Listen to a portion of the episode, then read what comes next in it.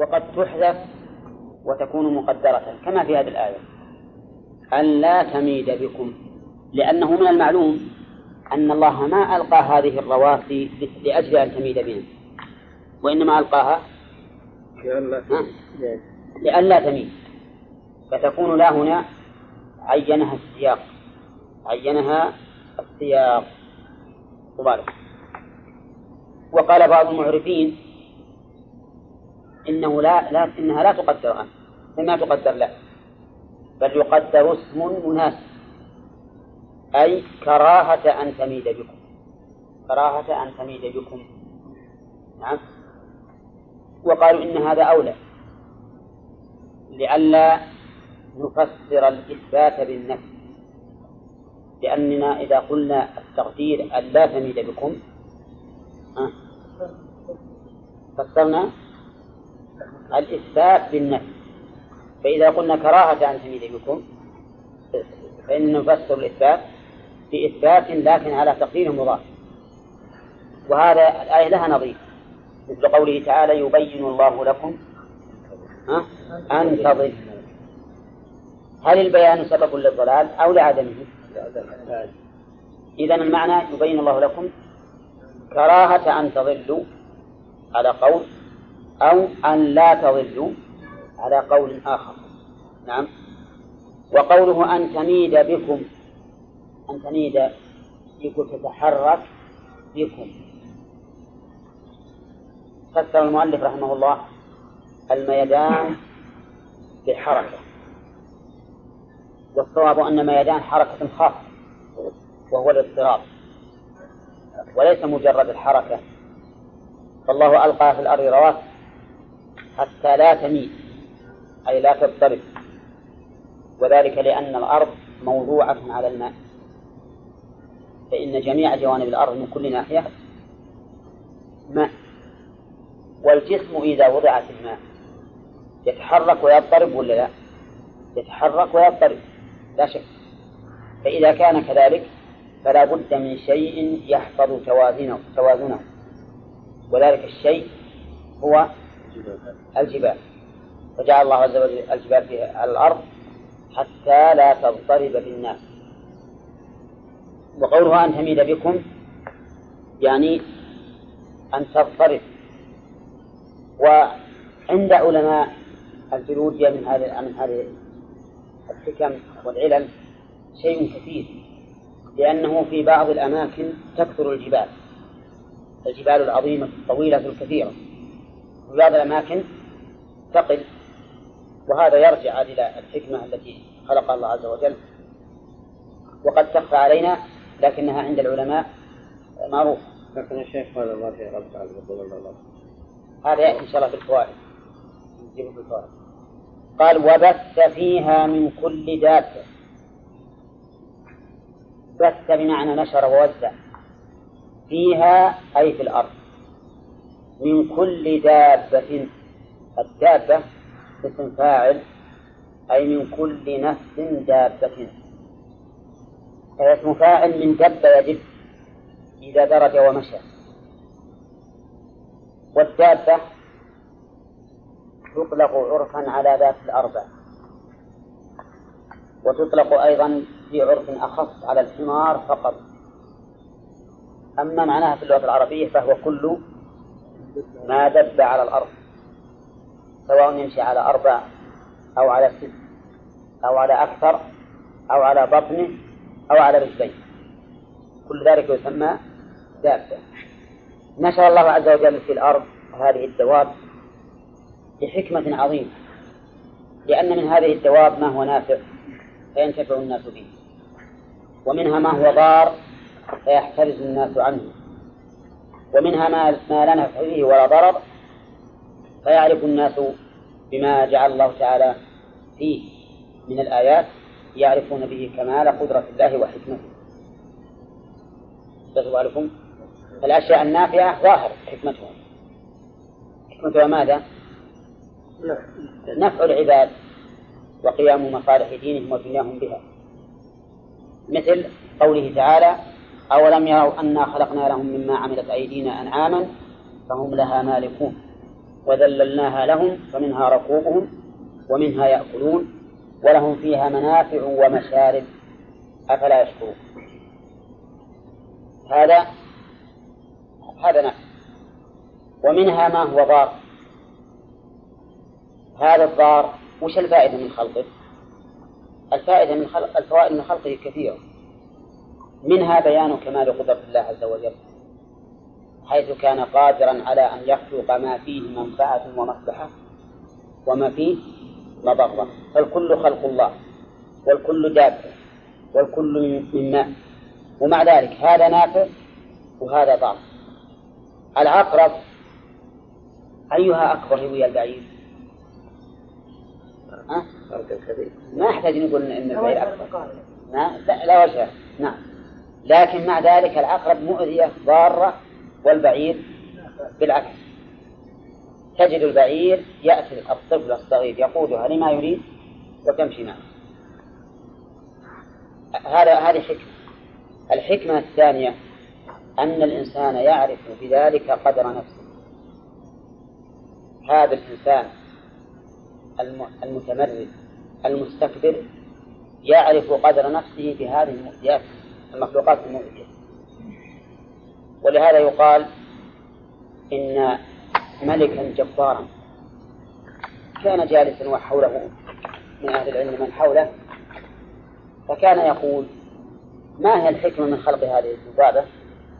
فقال له رجل الحكمة من ذلك أن يرغم الله بها أنوف الجبابرة نعم؟ وش وجهه؟ هذه الذبابة تقع على أنف أي إنسان وتدرق عليه. نعم. هذا هذا من الحكمة أن تعرف الإنسان قدر نفسك وأنك ضعيف بالنسبة إلى إلى قوة الله عز وجل. البعوضة ما هي ليست بشيء. ضعيفة مهينة ومع ذلك تقض مضجع الإنسان حتى لا ينام. فهذا من الحكمة. الحكمة الثالثة في خلق هذه المؤذيات أن الإنسان يذوق الألم بها والعذاب حتى يعرف أن العذاب غير ملائم له فيوجب له ذلك النفور من معصية الله إلى طاعة الله عز وجل. الحكمة الرابعة أن الإنسان ربما يحمله الخوف منها على أن يقوم بما ينبغي أن يقوم به من الأوراد والأذكار. أليس كذلك؟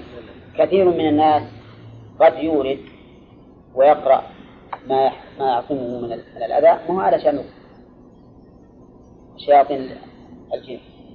ولكن خوفا من مما يؤذيه حسا. وهذا شيء مجرب ومشاهد. حكى لي بعض الناس الثقات أنه كان من عادته أن يقرأ آية الكرسي كل ليلة. يقول فنسيتها ذات الليلة فلدغت بعد المغرب. نعم لدغ لأنه ليس ليس عنده من الله شيء حافظ. ومن قرأها في ليلة لم يدع عليه من الله حافظ ولا يقربه شيطان حتى يصبح. هذه من الحكم أن الله سبحانه وتعالى بث في الأرض من هذه الدواب المؤذية. أما ما لا نفع فيه ولا ضرر من الدواب فإن الإنسان يستدل به على حكمة الله عز وجل وأنه سبحانه وتعالى محيط بكل شيء. تجد هذه الدواب على كثرة أنواعها. ما تستطيع أن تحصي أنواعها فضلا عن أفرادها. مع ذلك قد أعطاها الله تعالى الهداية لما لما لما هو من مصالحها قال موسى عليه الصلاة والسلام لما قال له فرعون من ربكما يا موسى؟ قال ربنا الذي أعطى كل شيء خلقه ثم هدى. وأنت إذا رأيت هذه النملة الصغيرة كيف هداها الله عز وجل إلى مصلحتها ومنفعتها؟ كيف تدخر القوت لها؟ وكيف تجلبه من بعيد؟ وكيف تكسر أطراف الحبوب. السر الذي منه تنبت تكسره قبل أن تختزنه. لماذا؟ حتى لا ينبت. لأنه إذا جاءه المطر والندى فإنه ينبت لكن إذا كسر أعلاه الذي هو السر سره الذي ينبت منه فإنه لا ينبت. من الذي ألهمها ذلك؟ هو الله عز وجل. هي ما درست في المدارس ولا تخرجت من الثانوية ولا قرأت في كلية العلوم لكن الله عز وجل هو الذي علمها ذلك. شاهدت أنا إذا جاء الندى حول حول بيوت الزرع. عندما تسقي النخلة وحولها ذر ويجي الندى إلى أولادها. أنا شاهدتها تخرج بأولادها حاملة لها. أولادها بيض. نعم ما بعد حية إلى الآن. تجد كل واحدة منهم حامل ولدها تخرج به عن هذا الماء حتى لا يفسده أو أو يهلكه هذا من من آيات الله عز وجل. يتبين به الإنسان حكمة الله عز وجل وأنه واسع عليم وأنه بكل شيء محيط وأنه لا يخفى عليه شيء في الأرض ولا في السماء. وقد ذكر ابن القيم رحمه الله في مفتاح دار السعادة من هذه الأمور أشياء عجيبة. وذكر أنه ذكر لشيخ الإسلام ابن تيمية أن رجلا وضع شيئا من الطعم لذرة من الذرات فلما رأت الطعم هذا ما ما استطاعت أن تحمله كبير فذهبت إلى أخواتها فاستصرخته فجاءوا إلى هذا المكان يقول فلما أقبلوا نزع الطعم. جعلوا يبحثون في مكان الذرة التي جلبتهم وهم. ما وجدوا شيئا فرجعوا.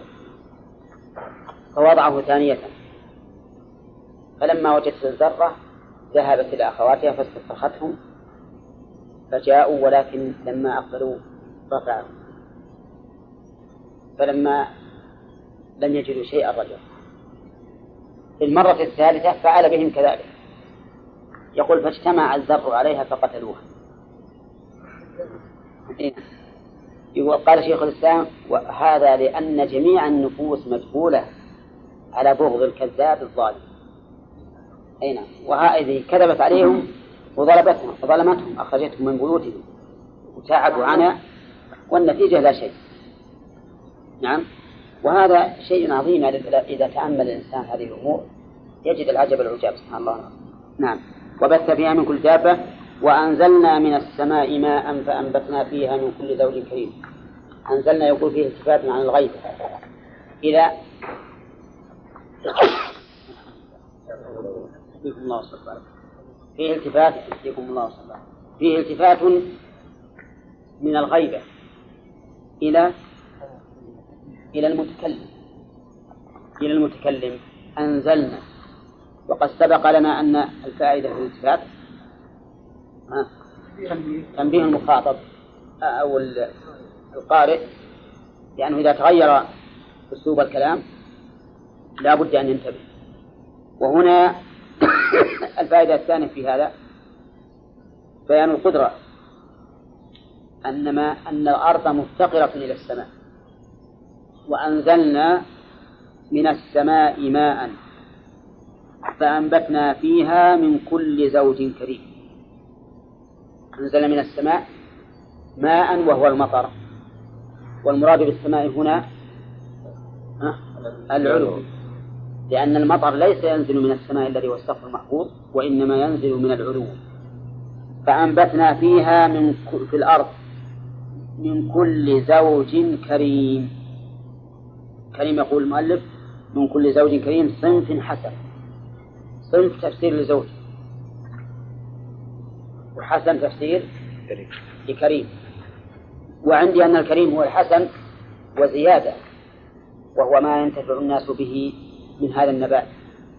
كأنه رجل معطاء يعطي ويغدق الخير فهو نبات حسن ومع ذلك نافع بكثرة ما فيه. نعم.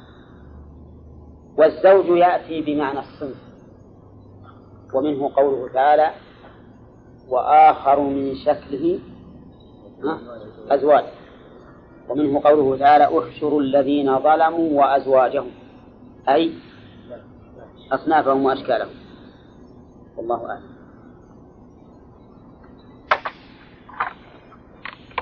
ومن الناس من يشتري له الحديث إلى آخره. يستفاد من هذه الآية؟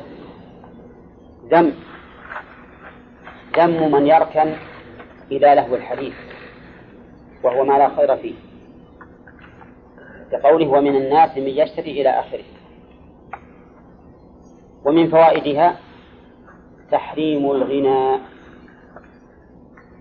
لأن ابن مسعود أقسم بالذي لا إله إلا هو أنه الغنى. وتفسير الصحابي حجة.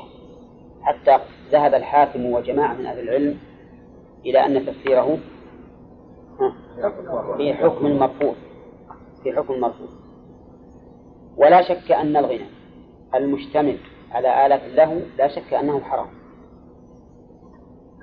لأن نفس آلة له حرام. قرنها رسول الله صلى الله عليه وسلم بالزنا والخمر والحرير. فقال كما في صحيح البخاري من حديث أبي مالك الأشعري ليكونن أقوام من أمة يستحلون الحرى والحرير والخمر والمعازف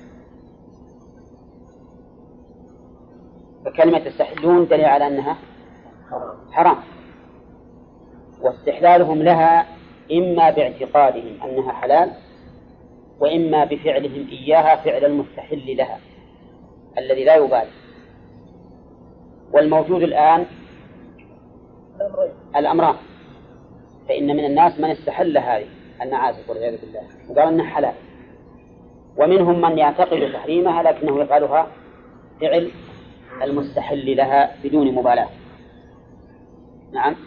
ولا يغرنكم ما وقع فيه الناس اليوم من من الانهماك بها. فإنه أصبح لها تأثير عظيم على قلوبهم ودينهم وسلوكهم. وانظر إلى المبتلين بهذا الأمر والعياذ بالله. يكون ما همهم إلا هذا الأمر. وهم أبعد الناس عن معرفة القرآن والسنة ومواعظ القرآن والسنة. نعم. ولهذا ذكر بعض أهل العلم أنه لا يجتمع حب الغناء وحب كتاب الله عز وجل. نعم. قال ابن القيم حب الكتاب وحب ألحان الغنى. في قلب عبد ليس يجتمعان. ولهذا قال هنا له الحديث ليضل عن سبيل الله. طيب الغنى بدون آلة له حكمه؟ إن اشتمل على محرم هو حرام. وقد يصل إلى حد الشرك. كما لو اشتمل على الغلو في مدح أحد. غلوا يصل به إلى يصل به إلى درجة الخالق. وقد يكون محرما وفسقا كما لو اشتمل على تحبيب الفسق والمجون وما أشبه ذلك. وقد يكون محرما تحريم الغيبة. كما لو كان يسب شخصا معينا. المهم أنه درجات. أما إذا كان مباحا فإنه لا شك أنه من اللهو لكنه إذا استعين به على شيء مباح فلا حرج فيه. مثل غناء العمال الذين يغنون لأجل أن يتقووا على ذلك. وقد كان الصحابة رضي الله عنهم في حفل الخندق يرتجزون والرسول عليه الصلاة والسلام يجيبهم يقول نحن الذين بايعوا محمدا على الجهاد ما بقينا أبدا. والرسول عليه الصلاة والسلام يجيبهم ويقول اللهم لا خير إلا خير الآخرة. فارحم الأنصار والمهاجرة. وكان هو نفسه عليه الصلاة والسلام ينقل التراب ويرتجز بقول عبد الله بن رواحة. اللهم لولا أنت ما اهتدينا ولا تصدقنا ولا صلينا فأنزلا سكينة علينا وثبت الأقدام إن لاقينا إن الأولى قد بغوا علينا وإن أرادوا فتنة أبينا. قال الم... قال البراء بن عازب رضي الله عنه راوي الحديث يمد صوته بآخرها. يمد صوته. فهذا لا بأس به لما فيه من الإعانة على العمل ومنه حداء الإبل. فإنه كان يحدى بين يدي الرسول عليه الصلاة والسلام في الإبل لأن حداء الإبل يزيدها يزيدها مشيا وتسرع حتى أنهم يذكرون من من أحوالهم أشياء عجيبة. عندما يحدو الحادي إذا كان حسن الصوت يقول تمشي من غير من, غير شعور. نعم. ولهذا كان الرسول عليه الصلاة والسلام يقول يا أنجشة رفقا بالقوارير يعني بالنساء نعم. وشبهها بالقوارير لأجل أن يرفق بها أكثر لأن القوارير مع الحركة تتكسر. فالحاصل أن أن نقول إن الغناء له الأحوال الذي ذكرت إن اقترن بآلة لهو كما هو الموجود الآن فهو حرام ولا شك فيه. لأنه داخل في حديث أبي مالك الأشعري الذي رواه البخاري. فهو حرام لا ريب فيه. وإذا خلا فهو حسب الحال. ومن فوائد الآية الكريمة أن لهو الفعل أيضا لا يجوز التشاغل به. من أين يؤخذ؟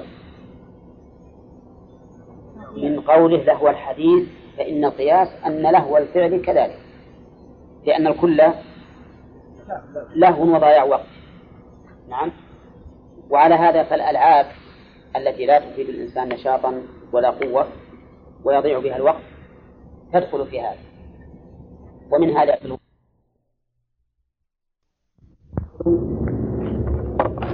ذكر لي شيخنا محمد العبد العزيز المطوع رحمه الله أنه سمع أن بعضهم يلعب بها ويجعل النتيجة أن المغلوب يقبله زملائه كتقبيل المرأة. ومعنى ذلك أنها وسيلة والعياذ بالله للفجور نعم. ولا شك أن هذه اللعبة إنها من اللهو. ما أحد ينكر هذا ولا فيها فائدة للبدن. ما فيها فائدة للبدن أصلا. وقد قال بعضهم إنها تشحذ تشحذ الأذهان واعترض عليه آخر فقال إن الذين يلعبونها من أبلد الناس أذهانا نعم. لأنهم ما يعرفون أشياء زائدة عما يتعلق عما يتعلق بهذه اللعبة. فهم بولد فيما سواه. ولهذا لا تناقشهم في أمور معنوية غير ما يتعلق بهذه اللعبة. وجدتهم أبلد الناس. لأن أفكارهم انحصرت لهذه اللعبة وفي هذه اللعبة. فأين فأين ما يقال إنه شهد للذهن؟ المهم أن لهو الفعل يؤخذ من الآية الكريمة من فحواها. أن لهو الفعل كلهو الحديث. لا الكورة ما تدخل فيها. لأن الكورة فيها رياضة بدنية. إلا إذا ألهت. إذا ألهت عن الماء ما يخالف. البيع والشراء اللي جائز بالإجماع إذا ألهى عن واجب صار حرام. فإذا ألهت فنعم. أو كانت تشتمل على كشف العورة. كما لو كانوا مثلا يبدون أفخاذهم. فإن هذا أيضا لا يجوز. لكن إذا انتفت المحذور فلا أرى فيها بأسا لأنها تفيد البدن. نعم. الشطرنج حرام. وفي خلاف بين أهل العلم والصحيح أنه حرام. الصحيح أنه محرم يا أعظم علة في المغالبات ترك العداوة والبغضاء ما يمكن أن تأخذ المغالبة أن تأخذ المغالبة منها نعم نعم صحيح. هذه ربما مثل الكورة للجلد إذا صارت على على ما ذكر الأخ إبراهيم لأن بعض الأحيان تكون الكورة مغالبة بين فريقين ينتميان إلى ناديين. ثم إذا غلب أحدهما بدأ الآخرون يحلفون بالحجارة. أحيانا يكسرون السيارات يكونون نعم. ها؟ هذه ربما نقول من هذه الناحية قد تكون محرمة لكن افرض أن جماعة من الناس خرجوا إلى مذهب. وكان عندهم فراغ مثلا وأرادوا أن يفعلوا, أن يفعلوا هذه ما نقول هذا حرام. لابد لابد من غلط ولو ما ما ما تصل لها ما تصل لها ما تصل لها. أما صحيح التي ينتمون إلى النوادي هذه صحيحة حسب ما سمعنا وبعضهم قد يكون معتدلا ولا يحصل من هذا الشيء. خرجت مع مدرسين زمان مدرسين يعني لا الورقة فتنازعوا إلى حد العقال يعني. إلى حد إيش؟ العقال ضرب عقال. طيب. إذا كان عند عامله بطول الكورة يعني مين مثل أي قال الناس يعني عمل ونية صلاتين أي يعني مدرب ها؟ كالمدرب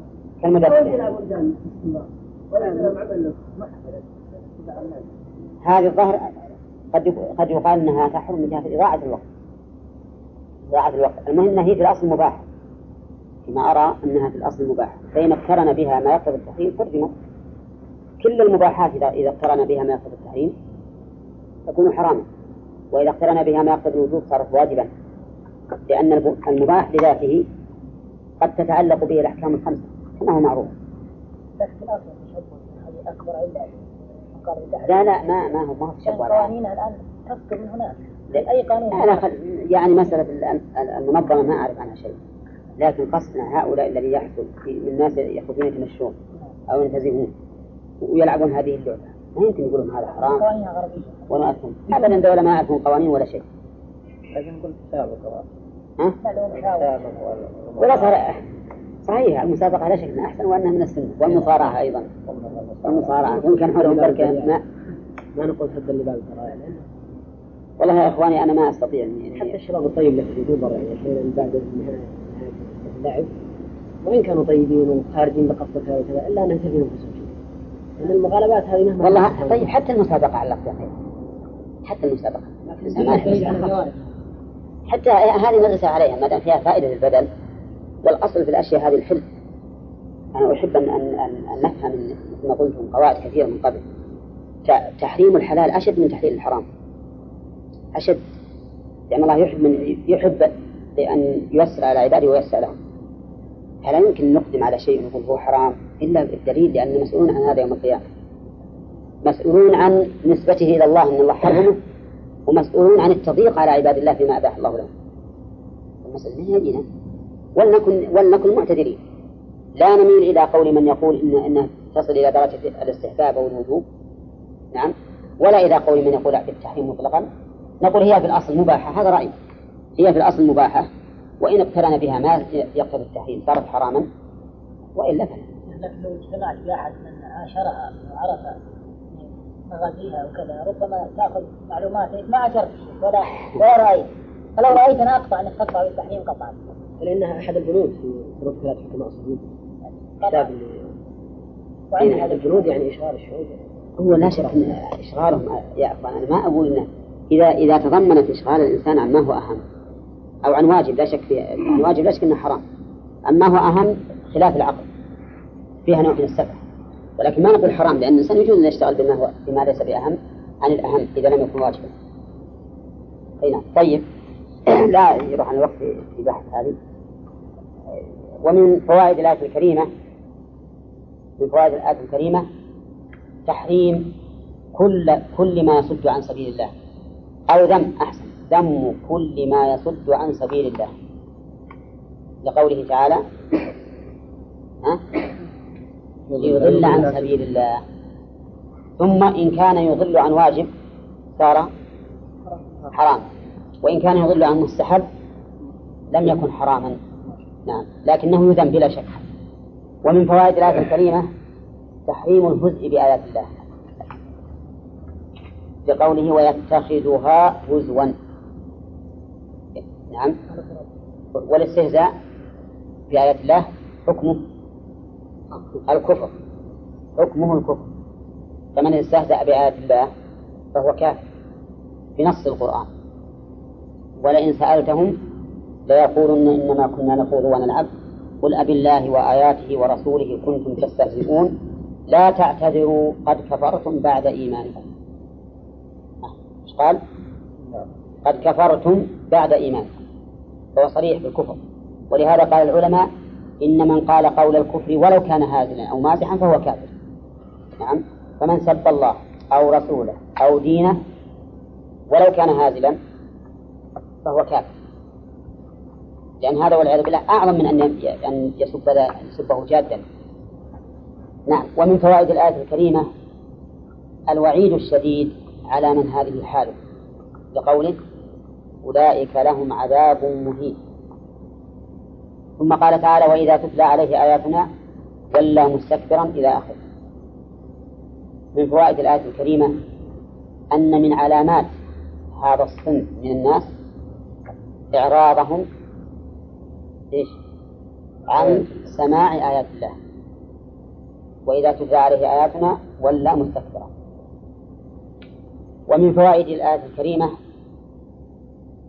أن هذا الذي تتلى عليه آيات الله وهو قد اشترى له الحديث يكون والعياذ بالله كالإنسان الذي به صمت لا يمكن أن يصل إليه سماع الحق.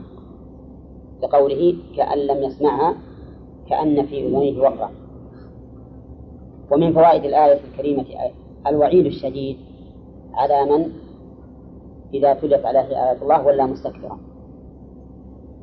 ومن فوائدها ثبوت المدح والثناء لمن كان على العكس من ذلك. أولا لأن الذم على صفة وهذه قاعدة مفيدة الذم على صفة يقتضي مدح من اتصف بضدها. فيمدح فيؤخذ منه مدح من إذا تليت عليه آيات الرحمن أقبل أقبل إليها واستمع إليها. ولهذا قال الله تعالى والذين إذا ذكروا بآيات ربهم لم يخروا عليها صما وعميانا.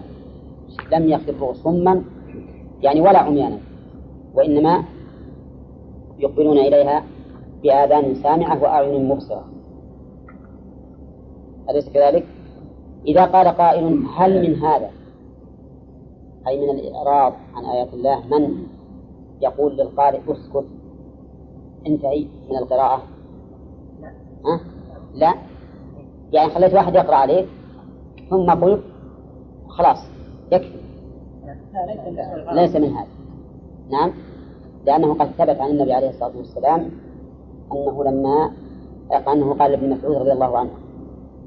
اقرأ علي. فقال يا رسول الله أقرأ عليك القرآن وعليك أنزل؟ قال نعم إني أحب أن أسمعه من غيري.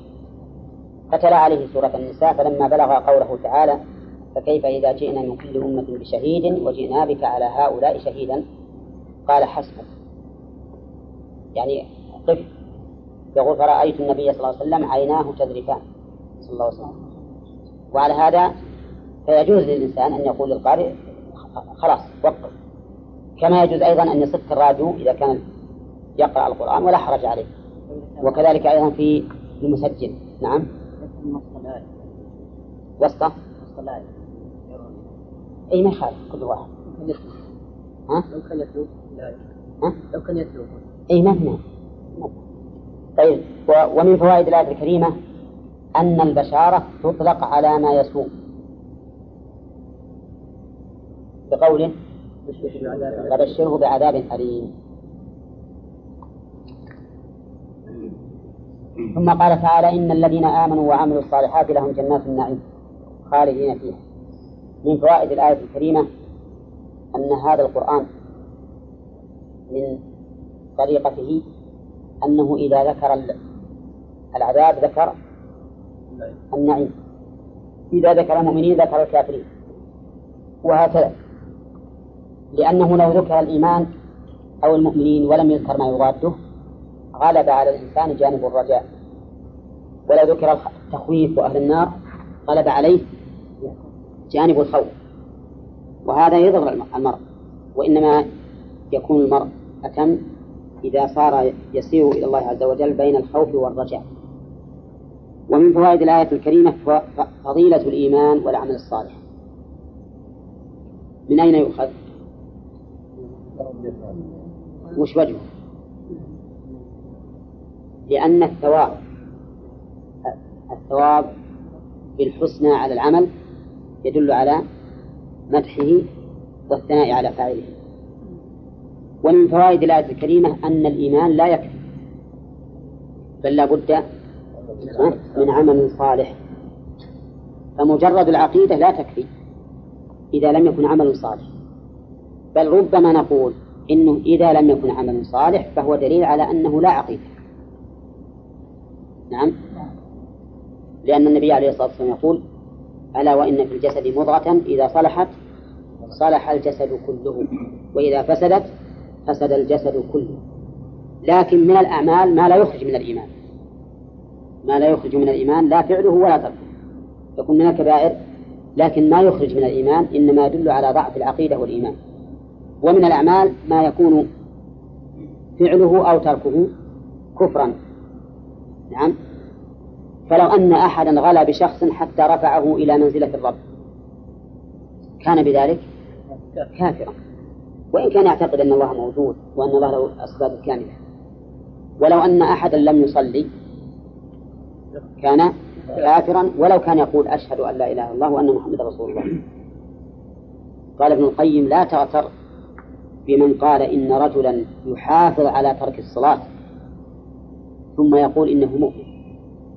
فإن هذا لا يدري عن أعمال القلوب وشؤونها وأحوالها.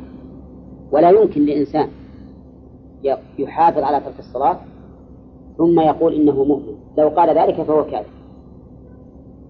إذ أن الإيمان حقا لا يدعه يترك الصلاة مع علمه بفضلها والوعيد على تركها. كيف تؤمن بأن الرسول قال من تركها فقد كفر ثم لا تصلي وكيف تؤمن بأن الرسول يقول العهد الذي بيننا وبينهم الصلاة ثم لا تصلي وين الإيمان؟ وكيف تؤمن بأن هذه الصلاة ما فرضت ما فرضت على الرسول إلا وهو في أعلى مكان وفي أشرف ليلة وبدون واسطة وعلى أنها خمسون صلاة؟ كل هذا يدل على عناية عظيمة في هذه الصلاة. ثم تقول لا ثم لا تحافظ عليها وتقول إنك مؤمن. أعتقد لو أن أحدا من الناس قال له ملك من الملوك إذا زرتني في بيتي أعطيتك كذا وإذا لم تزرني عاقبتك بكذا. ثم لم يزره. هل يكون عنده الثقة بما قال هذا الملك؟ ها؟ ما يكون عنده ثقة لو كان عنده ثقة لذهب بلا شك على رأسه مو على رجليه. وكيف عاد بوعد الله عز وجل ووعيده؟ نعم. ومن فوائد الآية الكريمة ومن فوائد الآية الكريمة إثبات الجنة لقوله لهم جنات النعيم. وهي موجودة الآن ولا لا؟ موجودة الآن. موجودة الآن وقد دخلها النبي عليه الصلاة والسلام ورأى فيها قصا لعمر بن الخطاب. ومن فوائد الآية الكريمة أيضا أن هذه الجنات مشتملة على النعيم الذي هو سرور القلب. إيش بعد؟ وترف البدن. فأبدانهم في غاية ما يكون من الترف وقلوبهم في غاية ما يكون من السرور. فوقاهم الله شر ذلك اليوم. ولقاهم نظرة وسرورا يا نظرة. نظرة في أبدانهم. وسرورا في قلوبهم نعم ومن فوائد الآية الكريمة أن هذه الجنات جنات خلد لا موت فيها لقوله خالدين فيها وقد ورد في عدة آيات من القرآن ذكر التأبيد لهذا النعيم خالدين فيها أبدا طيب هل في الآية ما يدل على أنه لا مرض في الجنة؟ ها؟ وش وجهه؟ جنات النعيم. جنات النعيم لأن المرض ينافي النعيم. وعلى أنه ليس فيها شيخوخة. لأن الشيخوخة تنافي ذلك أيضا. نعم؟ و أي نعم. وعلى أنه ليس فيها هم أو كدر أو تنغيص أبدا. كل هذا ينافي ينافي النعيم. اللهم اجعلنا من أهلها. خالدين فيها. ومن فوائد الآية الكريمة أن هذا الوعد حق لا يمكن أن يخلف بقوله وعد الله حقا. ومن فوائد الآية الكريمة فضل الله تعالى على عباده بكونه يؤكد لهم هذه الأمور هذه التأكيدات مع أنه جل وعلا يكفي خبره. أليس كذلك؟ خبره كاف لكنه يؤكد هذا الخبر وهذا الوعد من أجل أن يقوى الناس على الحصول على هذا النعيم وذلك بالإيمان والعمل الصالح. ومن فوائد الآية الكريمة إثبات العزة والحكمة لله بقوله وهو العزيز الحكيم وإثبات هذين الاسمين من أسماء الله وهما العزيز والحكيم. ثم قال تعالى خلق السماوات بغير عمد ترونها إلى آخره. ما عاد لهم حجة؟ ما عاد لا حجة بعد التوحيد إيه. نعم يمكن يستفاد منه أنه لا حجة لهم بعد أن أكد الله سبحانه وتعالى أن أكد هذا الوعد بهذا التأكيد. وبعد أيضا بعد أن ذكر الوعيد على من خالف. ما سبق من قوله وألقى في خلق السماوات بغير عامة ترونها وألقى في الأرض رواسي أن تميد بكم وبث فيها من كل دابة وأنزلنا من السماء ماء فأنبتنا فيها من كل شيء كريم. إيه ها؟ الآية التي قبلها قبل عندك إثبات العزة والحكمة إيه بس الآية اللي بعدها ما إيه بنخليها آية ما ما تحمل يعني. قال هذا خلق الله المشار إليه ما سبق. وهي خلق السماوات بغير عمل وإلقاء الرواسي في الأرض وبث الدابة وبث فيها من كل دابة وإنزال الماء من السماء والإنبات فيها من كل زوج كريم. هذه خمسة أشياء مشاهدة محسوسة. ولهذا أشار إليها بالإشارة الحسية فقال هذا خلق الله أي مخلوقه. فهو من باب إطلاق المصدر وإرادة اسم المفعول وليس المراد به خلق الله الذي هو فعله فإن فعله لا يشاهد وأن المشاهد مفعوله. هذا خلق الله أي مخلوقه. فأروني قال أخبروني يا أهل مكة ماذا خلق الذين من دونه؟ قوله فأروني فسر الرؤية هنا بالإخبار الإراءة بالإخبار. ولكن الأولى إبقاؤها على ظاهرها. أن المراد بالإراءة يعني أبصروني أروني شيئا خلقه أحد سوى الله عز وجل. وقوله أروني ماذا خلق الذين من دونه أبلغ من تفسير المؤلف في قوله أخبروني لأن التحدي فيها ظاهر. إذ من الممكن أن يخبروه بأمر وهم كاذبون. فيقولون نعم إن في كذا وكذا خلقه كذا وكذا. لكن إذا قال أروني التحدي بما يرى فحينئذ يبهتون. وقوله أروني قال يا أهل مكة. بناء على أن كل خطاب في سورة مكية يتعلق بالكفار فالمراد, به أهل مكة. والصواب أنه عام حتى يمكن الآن أن نقول بهذا التحدي في عصرنا الحاضر. والأمر هنا في قوله أروني الأمر لماذا؟ لأي شيء؟ للتعجيز والتهديد. ماذا خلق الذين من دونه غيره أي آلهتكم؟ حتى أشركتموها به تعالى. يعني أروني ماذا خلقوا؟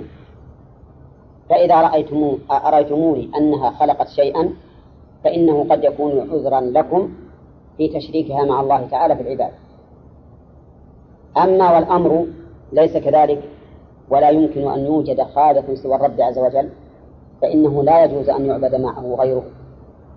لأنه إذا أقررتم بأنه لا خالق إلا الله يجب أن تقروا بأنه لا معبود إلا الله وأنه, وأنه كما أقرتم بالربوبية يجب أن تقروا بالألوهية. وقوله ماذا خلق؟ يقول ما؟ استفهام إنكار مبتدأ. وذا بمعنى الذي بصلته خبره. وأروني معلق عن العمل وما بعده سد سد مسد المفعولين. قوله ماذا خلق الذين من دونه؟ أعربها المؤلف إعرابا صحيحا. ماذا خلق؟ يقول ما؟ اسم استفهام وذا اسم موصول مبني على السكون في محل رفع. وخلق فعل ماضي والجملة صلة الموصول لا محل لها من إعراب والعائد محذوف. والتقدير ماذا خلقه الذين من دونه. والجملة ماذا خلق الذين من دونه؟ جملة الاستفهام معلقة. عن العمل. عن عمل إيش؟ أروني. وقوله وما بعده سد مسد المفعولين. هذا إذا قلنا إن الرؤية بمعنى العلم. أما إذا قلنا إن الرؤية بمعنى رؤية البصر فإنه فإن ما بعده سد مسد مفعول واحد فقط. هذا الإعراب الذي ذكره المؤلف هل في كلام ابن مالك ما يدل عليه؟ في الألفية ما هو؟ ها؟ إلى ثلاثة حتى إذا صار لا. الآن أعربها على أنها غير ملغاة أعربها على أنها غير ملغاة وهل يجوز إلغاؤها؟ هل يجوز إلغاؤها؟ الجواب نعم يجوز بل قد يقال إن إلغاءها أولى. لأنك إذا أريتها جعلت ماذا؟ مفعول مقدم لخلق. مفعول مقدم لخلق وحينئذ يكون ما نحتاج إلى عائد. والأصل عدم الحذف وقد سبق لكم أن إلغاءه له وجهان. إما أن تقول ما اسم استفهام ولا زائدة. أو تقول ما ذا جميعا اسم استفهام وقوله تعالى فأروني ماذا خلق الذين من دونه. أي من سوى الله عز وجل. وهذا التحدي وكل تحدي في القرآن لا يمكن أن يكون موجودا. لأنه لو كان الشيء ممكنا لكان التحدي لغوا لا فائدة فيه. قال الله عز وجل بل قال المؤلف للانتقال الظالمون في ضلال مبين بين بإشراكهم وأنتم منهم. يعني معناها الأمر واضح. وأنه لا خالق إلا الله وأنه لا يمكن أن يوجد أحد يخلق. ولكن استمرار المشركين في شركهم يعتبر ظلما يعتبر ظلما وضلالا مبينا. ولهذا قال بل الظالمون أي المشركون الذين أشركوا مع الله في العبادة مع أنهم يؤمنون بأنه لا شريك له في الخلق. في ضلال مبين قال المؤلف بين. وكلمة مبين تأتي بمعنى بين أي ظاهر وبمعنى مظهر. لأنها مشتقة من أبانا أبو باعي. وأبان الرباعي يأتي متعديا ويأتي لازما. فيأتي أبان بمعنى بان أي ظهر وحينئذ يكون لازما. ويأتي بمعنى أظهر أبان الشيء أظهره وحينئذ يكون متعديا. في هذه الآية بل الظالمون في ضلال مبين. من اللازم ولا من المتعدي؟ من اللازم. ولهذا فسرها بقوله بين. نريد مثالا لها من المتعدي.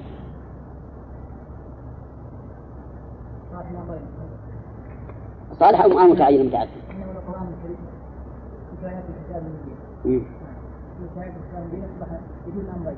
البين في نفسه انه يجيب الحق. إيه. إيه. ومثله بلسان عربي مبين أي مظهر فالحاصل أن أن مبين لا تظن أنها دائما متعدية. قد تكون لازمة بمعنى بين وقد تكون متعدية بمعنى مظهر. ثم قال تعالى ولقد آتينا لقمان الحكمة منها العلم والديانة والإصابة في القول. وحكمه كثيرة مأثورة. ولقد الجملة هذه مؤكدة بثلاثة مؤكدات. هي؟ نعم. نعم. والقسم. اللام. وقد والقسم. وقول آتينا أي أعطينا. وهذا الإعطاء إعطاء كوني. آتاه الله تعالى الشيء إيتاء كونيا. وقوله لقمان هو اسم رجل. وأكثر أهل العلم على أنه رجل أعطاه الله تعالى حكمة ودراية في الأمور وليس نبيا. قال ابن كثير إنهم أكثر الناس على أنه ليس بنبي. ويروى عن عكرمة إن صح عنه. هكذا قال أن إنه نبي. ولكن الصحيح أنه ليس بنبي. وإنما هو رجل حكيم ذو أمر رشيد. أعطاه الله تعالى هذه الحكمة. كما قال تعالى يؤتي الحكمة من يشاء ومن يؤتى الحكمة فقد أوتي خيرا كثيرا شيخ كنا سأل بعضهم يقول لقمان الحكيم هو هذا ولا غيره؟ لا هذا هو طيب كيف يكون يعني أخبار عن الرسول ولا إسرائيلية؟ وشلون؟ يقول لقمان الحكيم قال لقمان الحكيم يعني تعرف حديث اي هذا مما أوتي عن حكمته عاد ينظر هذا صحيح ولا لا؟ نعم قال ولقد آتينا لقمان الحكمة ما هي الحكمة؟ الحكمة في الأصل هي موافقة الصواب وبمعنى هذا قولهم إنها وضع الأشياء في مواضعها فصاحب الرأي الرشيد والتصرف السديد هذا يعتبر حكيما لأنه يضع الأشياء في مواضعها كذا يا حامد؟ ها؟ وش ذكرنا في الحكمة؟ تفسيره. الذي أشياء في مواضعها هذا واحد. والثاني؟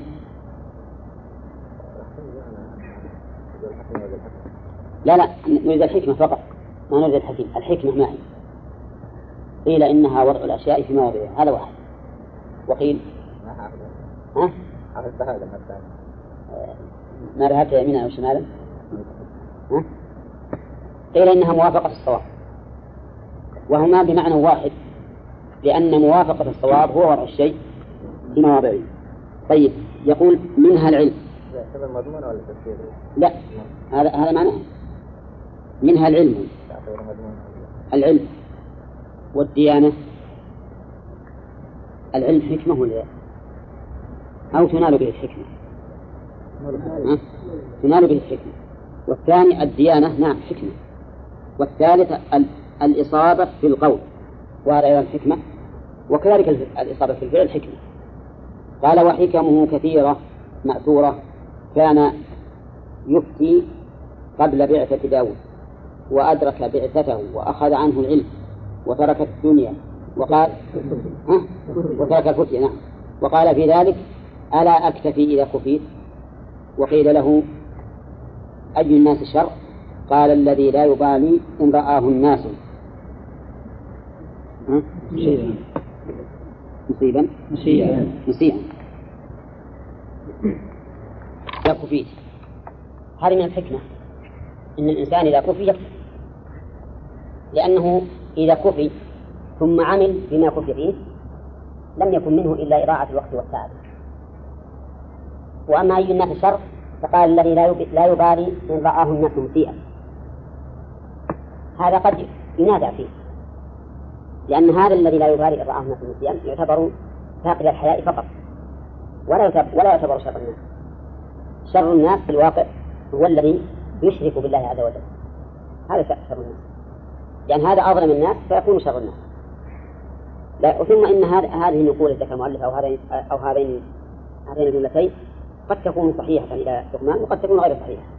يعني ما يجزم لأن ما هناك سند صحيح إلى لقمان متصل ولم يخبر النبي عليه الصلاة والسلام بذلك عنه. ومثل جميع الأخبار السابقة إذا لم تكن عن طريق الرسول عليه الصلاة والسلام فإنه ينظر فيها. ينظر فيها. لأنها تأتينا بغير إسناد. تؤخذ عن أهل الكتاب وأهل الكتاب غير مأمونين. ثم يؤخذ منها حكمة يا شيخ.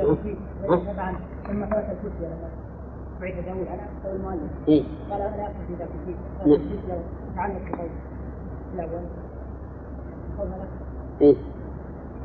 وقال في ذلك نعم.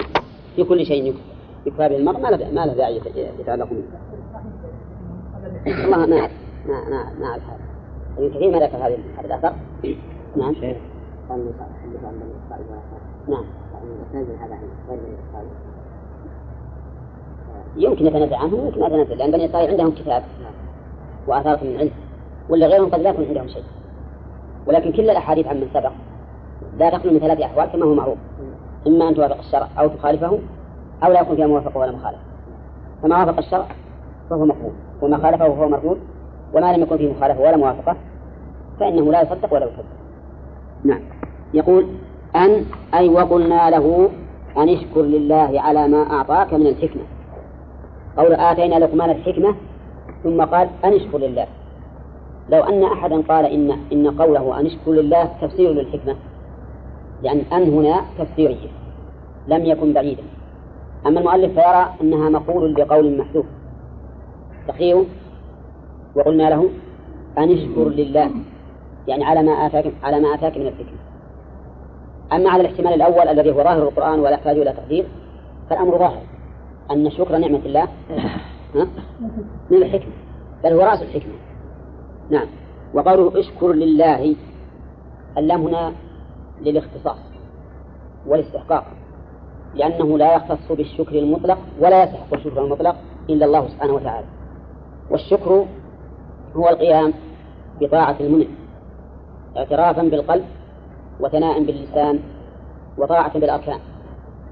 فمتعلقه متعلق الشكر ثلاثة اللسان والقلب والجوارح. وسببه واحد وهو النعمة. ولهذا كان بينه وبين الحمد عموم وخصوص. فمن جهة السبب الحمد أعم ومن جهة المتعلق الشكر أعم. نعم. كيف ذلك؟ الحمد سببه أمران كمال المحمود وإنعام المحمود. ولهذا تحمد الله عز وجل على كماله وتحمده على إنعامه. ولكن الحمد يختص بماذا؟ من حيث المتعلق يختص باللسان فقط. أما الشكر فإنه من حيث السبب أخف لأنه لا يكون إلا في مقابلة نعمة. لكن من حيث المتعلق أعم. يكون بالقلب واللسان والجوارح. وعليه قول الشاعر أفادتكم النعماء مني ثلاثة يدي ولساني والضمير المحجبة. وقول أن اشكر لله قلنا أن اللام هنا للاختصاص إثبات والاستحقاق فيجب على العبد أن يخلص الشكر له وأن يعتقد بقلبه أنه لا يستحق الشكر المطلق إلا الله. قال ومن يشكر فإنما يشكر لنفسه لأن ثواب شكره له. ومن كفر النعمة فإن الله غني عن خلقه حميد محمود في صنعه. ومن يشكر الجملة هذه شرطية فعل الشرط فيها مجزوم بمن؟ ومن يشكر. وجواب الشرط جملة قوله فإنما يشكر لنفسه. وإنما أداة حصر. ويشكر فعل مضارع. ولكن هل يقال إن يشكر والجواب أو الجملة؟ الجملة. نعم. وقوله فإنما يشكر لنفسه. كيف قال أن يشكر لله؟ ثم قال فإنما يشكر لنفسه. قد تقولون إن المتوقع أن يقول ومن يشكر فإنما يشكر لله. ولكن نقول مثل ما قال المؤلف.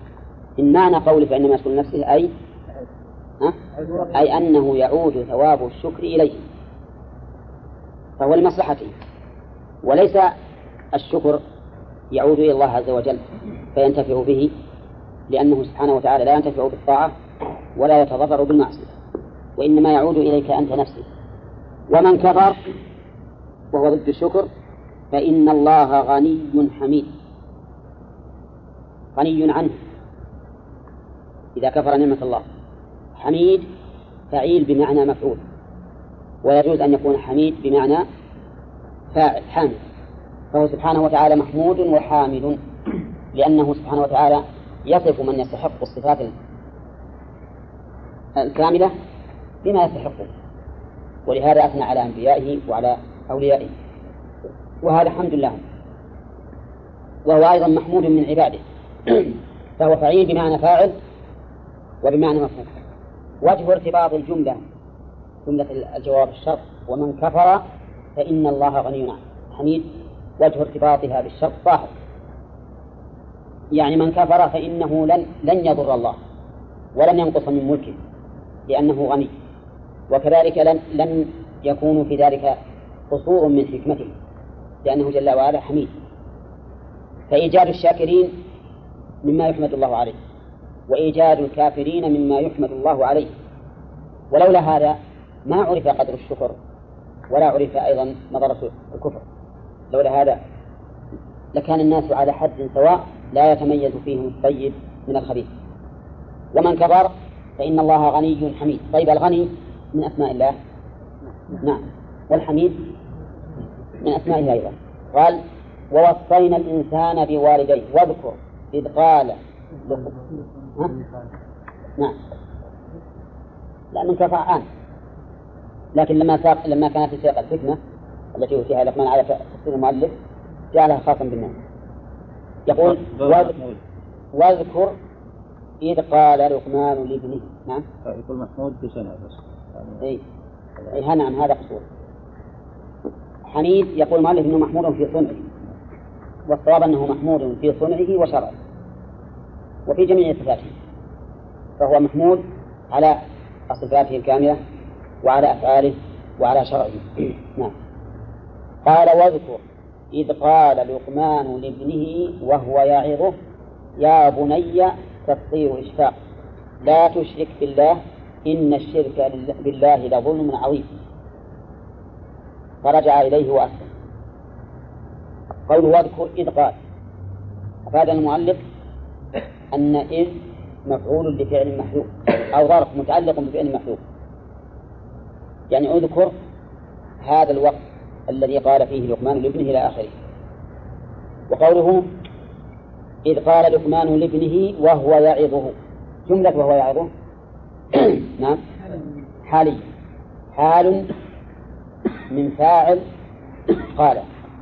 وهو لقمان. يعني والحال أنه يعظ ابنه ابنه. والموعظة هي التذكير المقرون بالتخويف أو الترغيب. قال له يا بني قال المؤلف إنه تصغير إشفاق وهو كذلك وليس تصغير احتقار لأن المقام لا يقتضي ولكنه تصغير إشفاق عليه.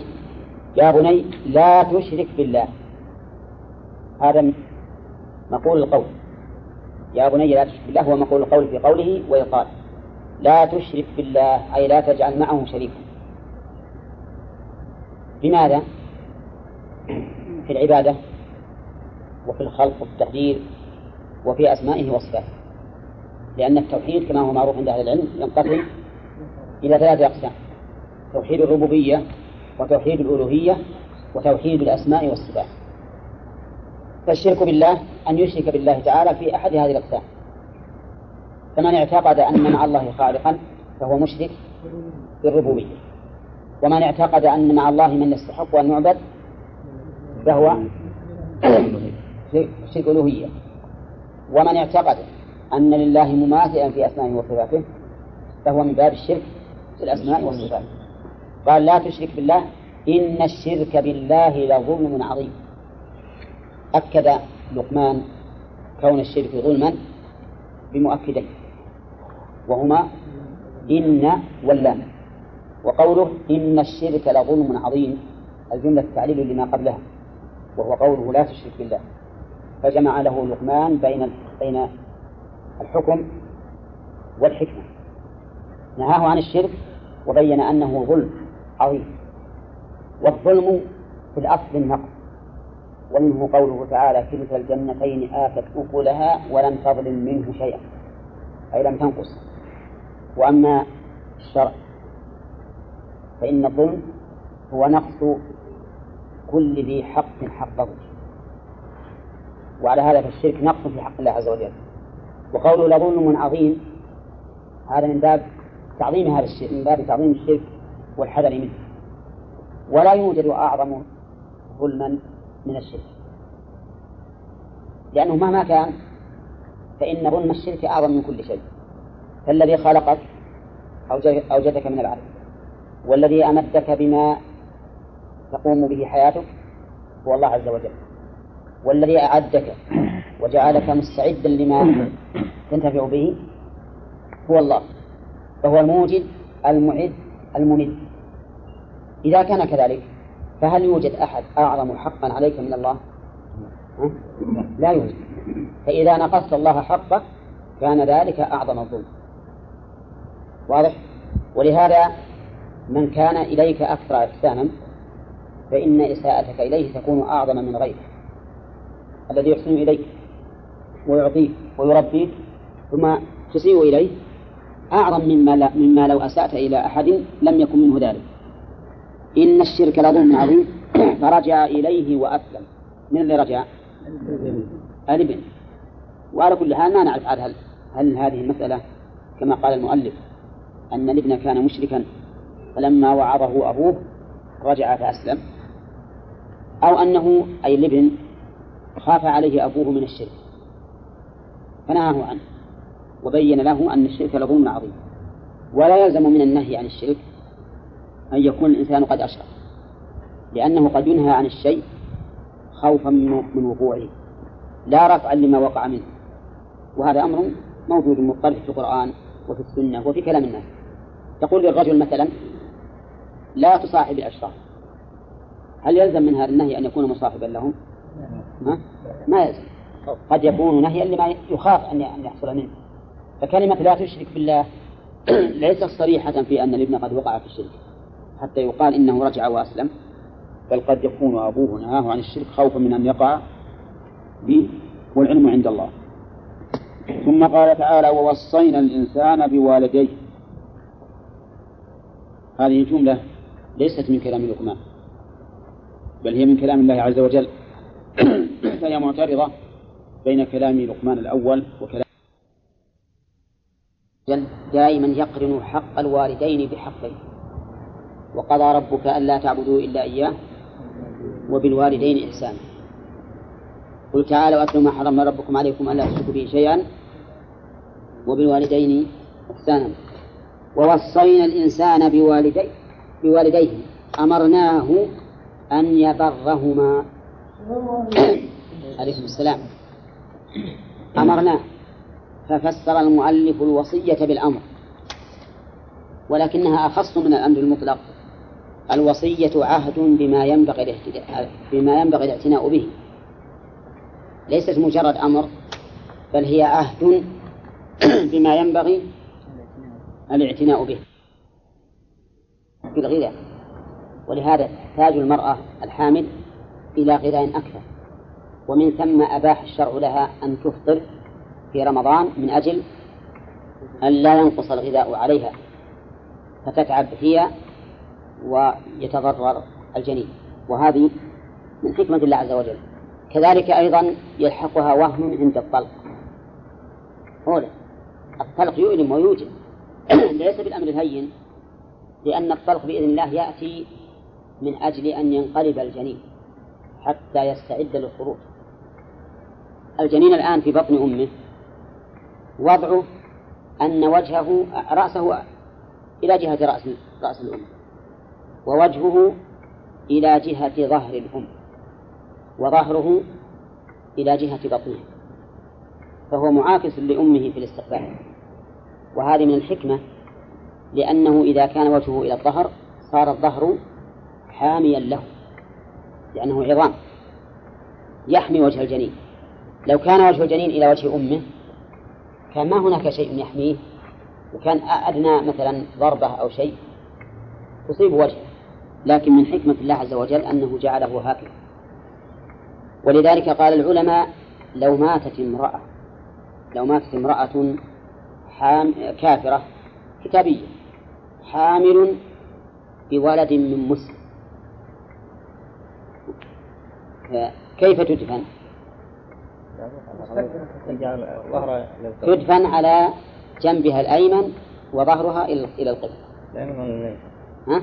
ما يصير الأيسر. لا لا الأيمن. مو بالأيمن؟ يصير الأيسر.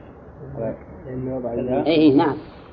لا على جنبها الأيسر نعم الأيسر الأيسر إن كان إن أمكن أن تدفن وحدها لا في مقابر المسلمين ولا في مقابر الكفار فهو أولى فإن تعذر فإنها تدفن في مقابر المسلمين. على جنبها الأيسر ليكون الولد على الجنب الأيمن مستقبل القبلة. نعم.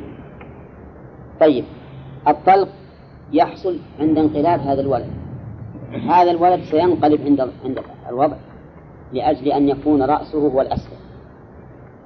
حتى يخرج أول ما يخرج من الجنين هو الرأس. تتألم من هذا الطلق بلا شك. ثم عند الولادة أيضا ها؟ تتألم ولا لا؟ نعم تتألم ويلحقها ضعف وربما يلحقها إغماء وتعب وربما تموت. فالله تعالى يذكر الإنسان حال الأم في هذه الأحوال التي كلها أحوال ضعف على ضعف. لا. لا المعروف أنه ينقلب عند الولادة وأن هذا الطلق من منه. قال حماته أمه وهنا على وهن أي ضعفت الحمل وضعفت للطلق وضعفت للولادة. وفصاله أي فطامه في عامين. فصاله في عامين يقول المؤلف فطام لكن مضافا إليها مدة الحمل. أولى. مضاف إليها مدة الحمل ولا مخرج منها مدة الحمل؟ مخرج. مخرج منها مدة الحمل. لأن الله قال في آية أخرى وحمله وفصاله ثلاثون شهرا.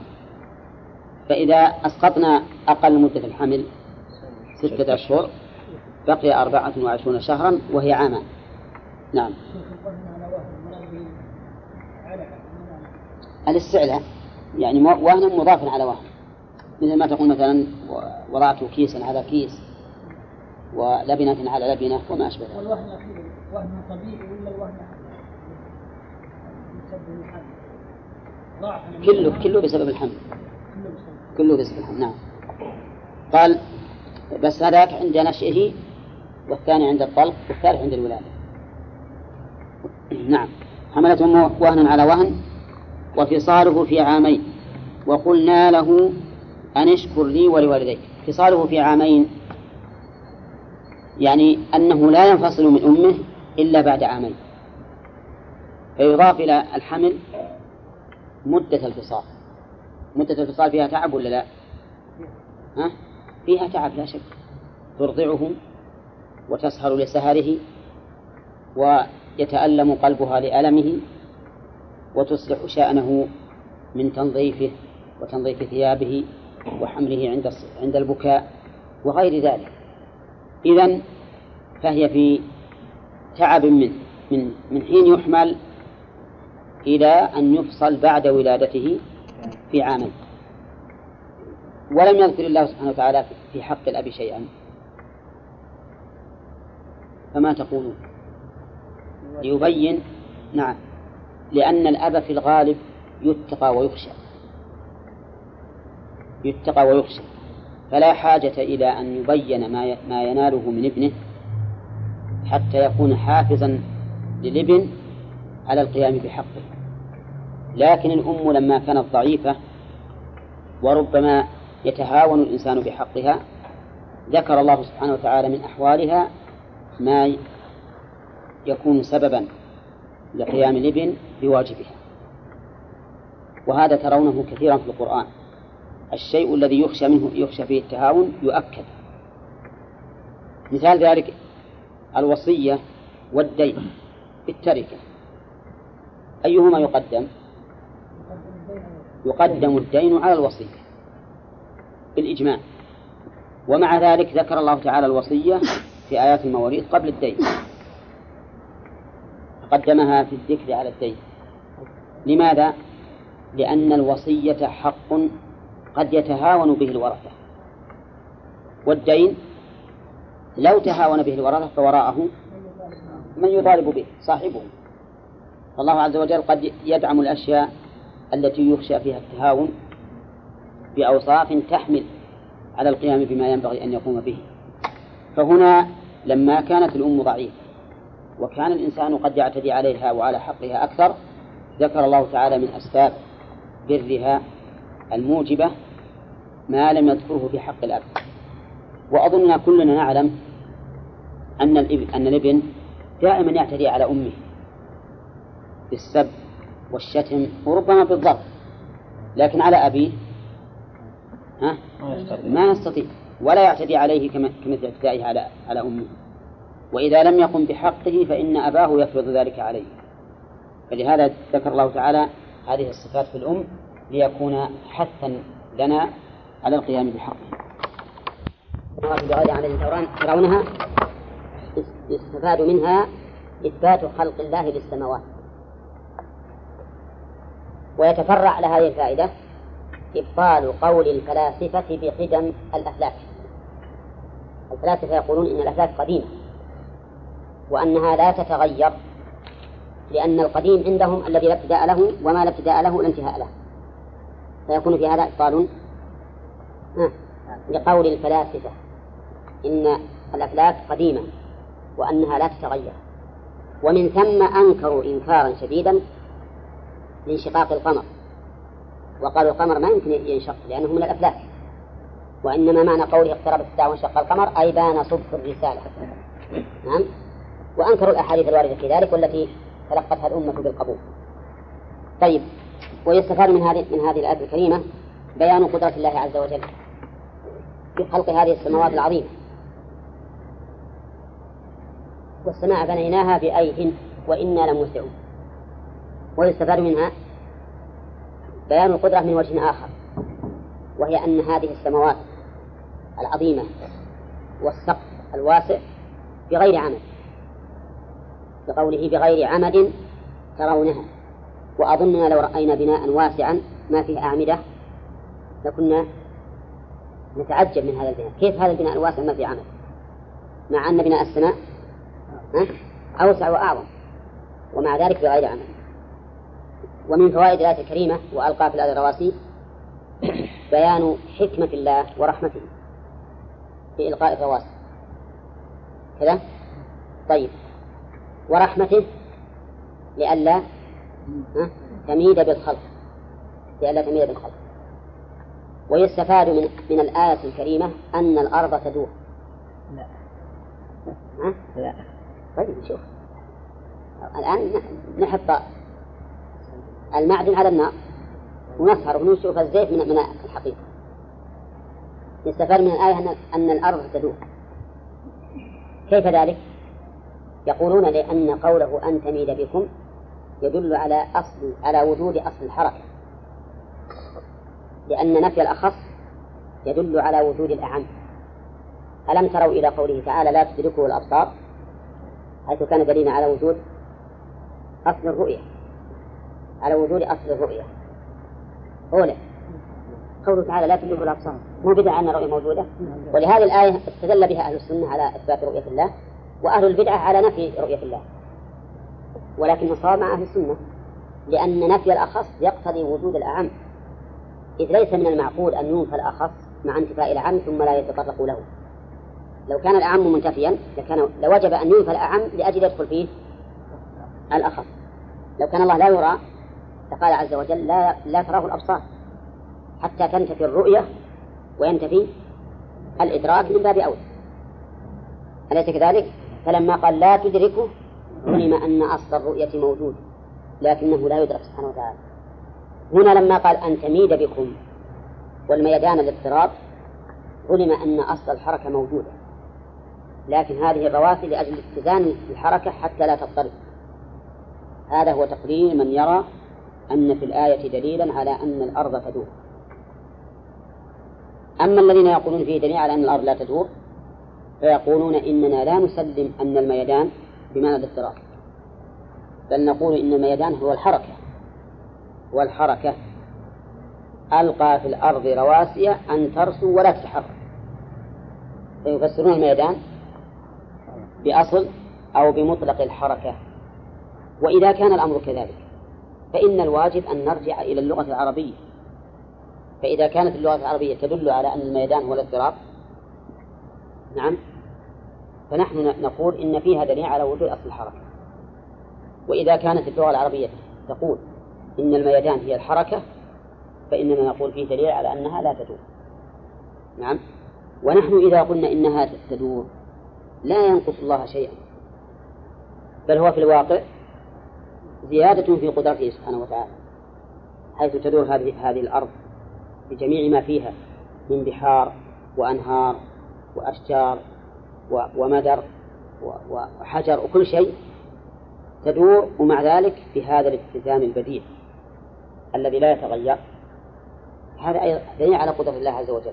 كما أن سكونها وهي على الماء دليل على قدرة الله سبحانه وتعالى.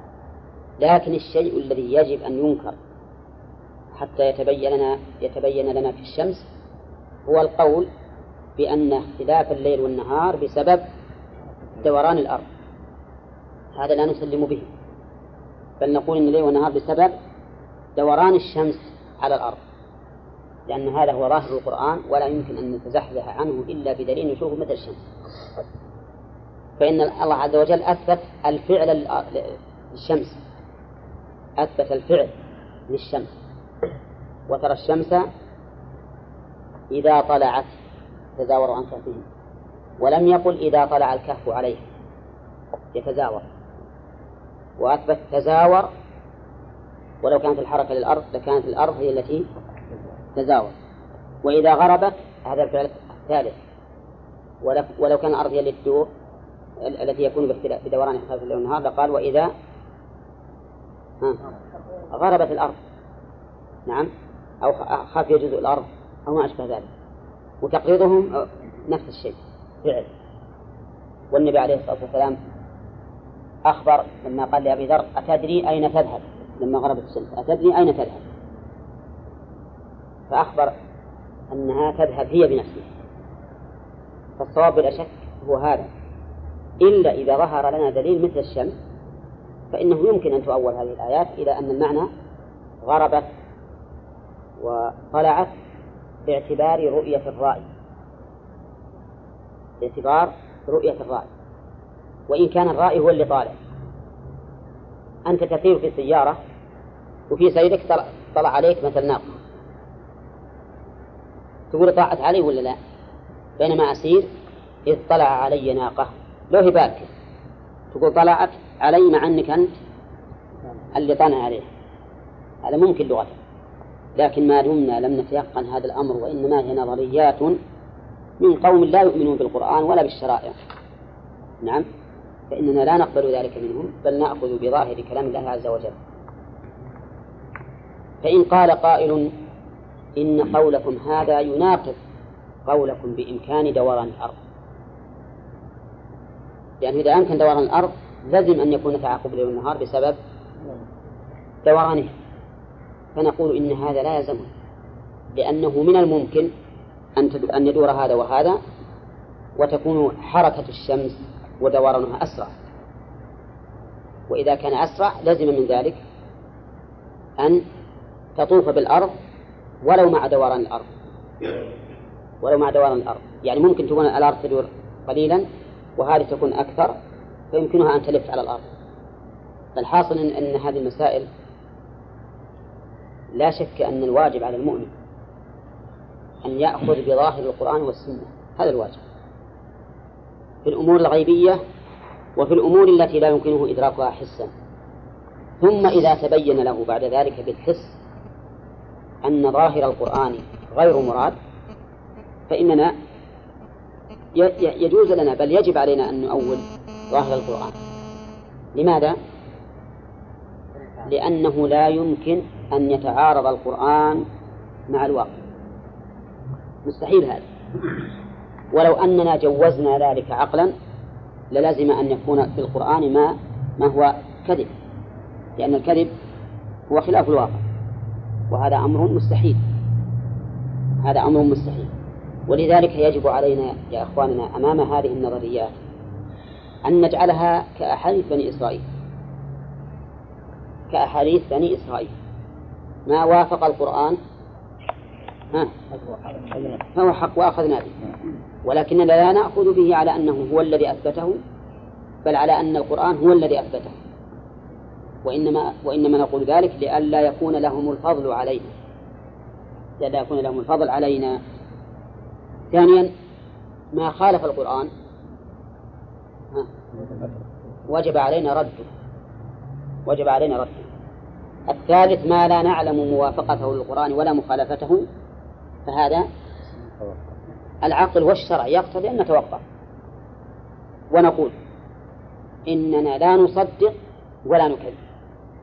لا نصدق ولا نكذب. وحينئذ يحتاج إلى يحتاج الإنسان طالب العلم إلى أن يتعمق ويتأمل وينظر نظرا عميقا جدا في نصوص الكتاب والسنة. حتى لا يحكم بأن الواقع يخالفها فيكون في ذلك رد فعل لمن لا يؤمنون بالإسلام. يعني مثلا لو أن أحدا أنكر مثل هذه النظريات بدون تأمل في دلالة الكتاب والسنة. أنكرها على طول كما يفعل من بعض العامة. فهذا بالحقيقة ليس من خدمة الإسلام. هذا أخذ الإنسان خنجرا بيده وطعن به صدره وهو لا يشعر. فالواجب تجاه هذه الأمور مثل ما قلت لكم أن نعرضها على الكتاب والسنة فما وافق الكتاب والسنة فهو حق لكونه وافق الكتاب والسنة وما خالفهما فهو باطل وما لا تعلم موافقة ولا مخالفته فالواجب فيه التوقف وأن يقول الإنسان إن تبين لي بحسب إدراكي أنا وإن كان أني قاصر في هذه العلوم فأنا أصدق به. إذا لم يظهر لي فأنا لست ملزما بأن أصدق أو أكذب. أقل من هذا موقف المحايد. وهذا هو العقل وهو الشرع. الشيخ هذا النظرية هذه تخالف القرآن. وش؟ لأنه يقولون الشمس ثابتة والأرض هي اللي تدور عليها. هم أنا قلنا مسألة الشمس ثابتة أبطلناه قلنا هذا ما يجوز. طيب هذه نظرية. هذه نبطلها. مع أنهم يقولون إن الشمس ما هي ثابتة كيف؟ إنها تدور في الأوج الع- العالي.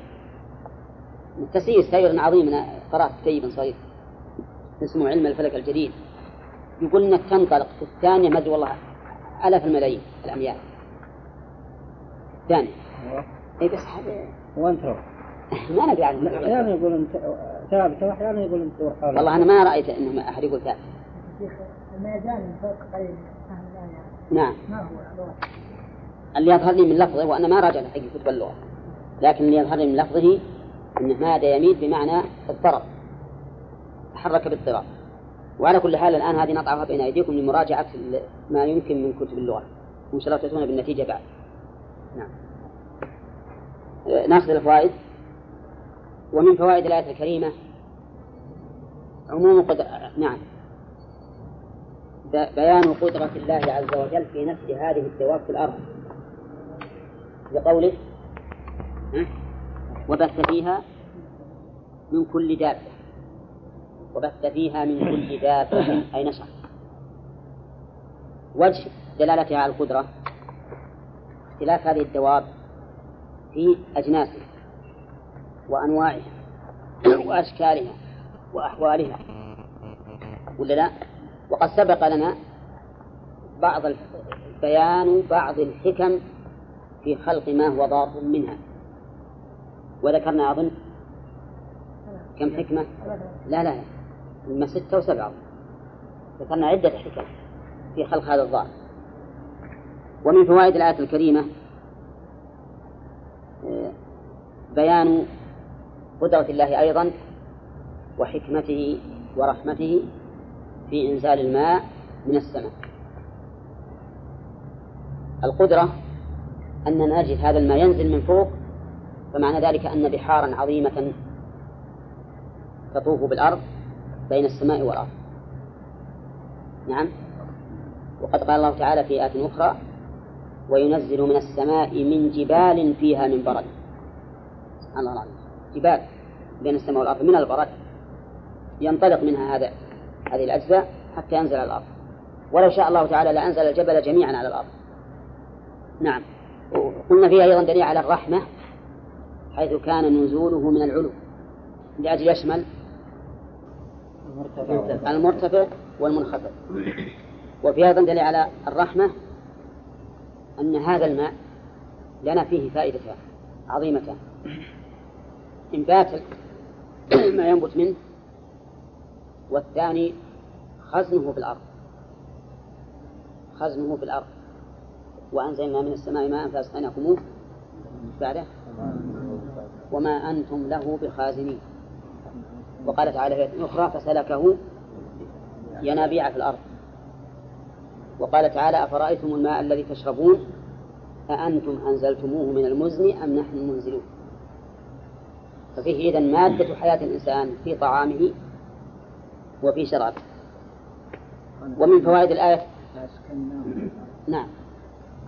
وفي ومن فوائد الآية أيضا من فوائد الآية إثبات الأسباب إثبات الأسباب لقوله أنزلنا من السماء ماء ها؟ فأنبتنا منين نأخذ إثبات الأسباب؟ من فاء السببية فأنبتنا نعم وإثبات الأسباب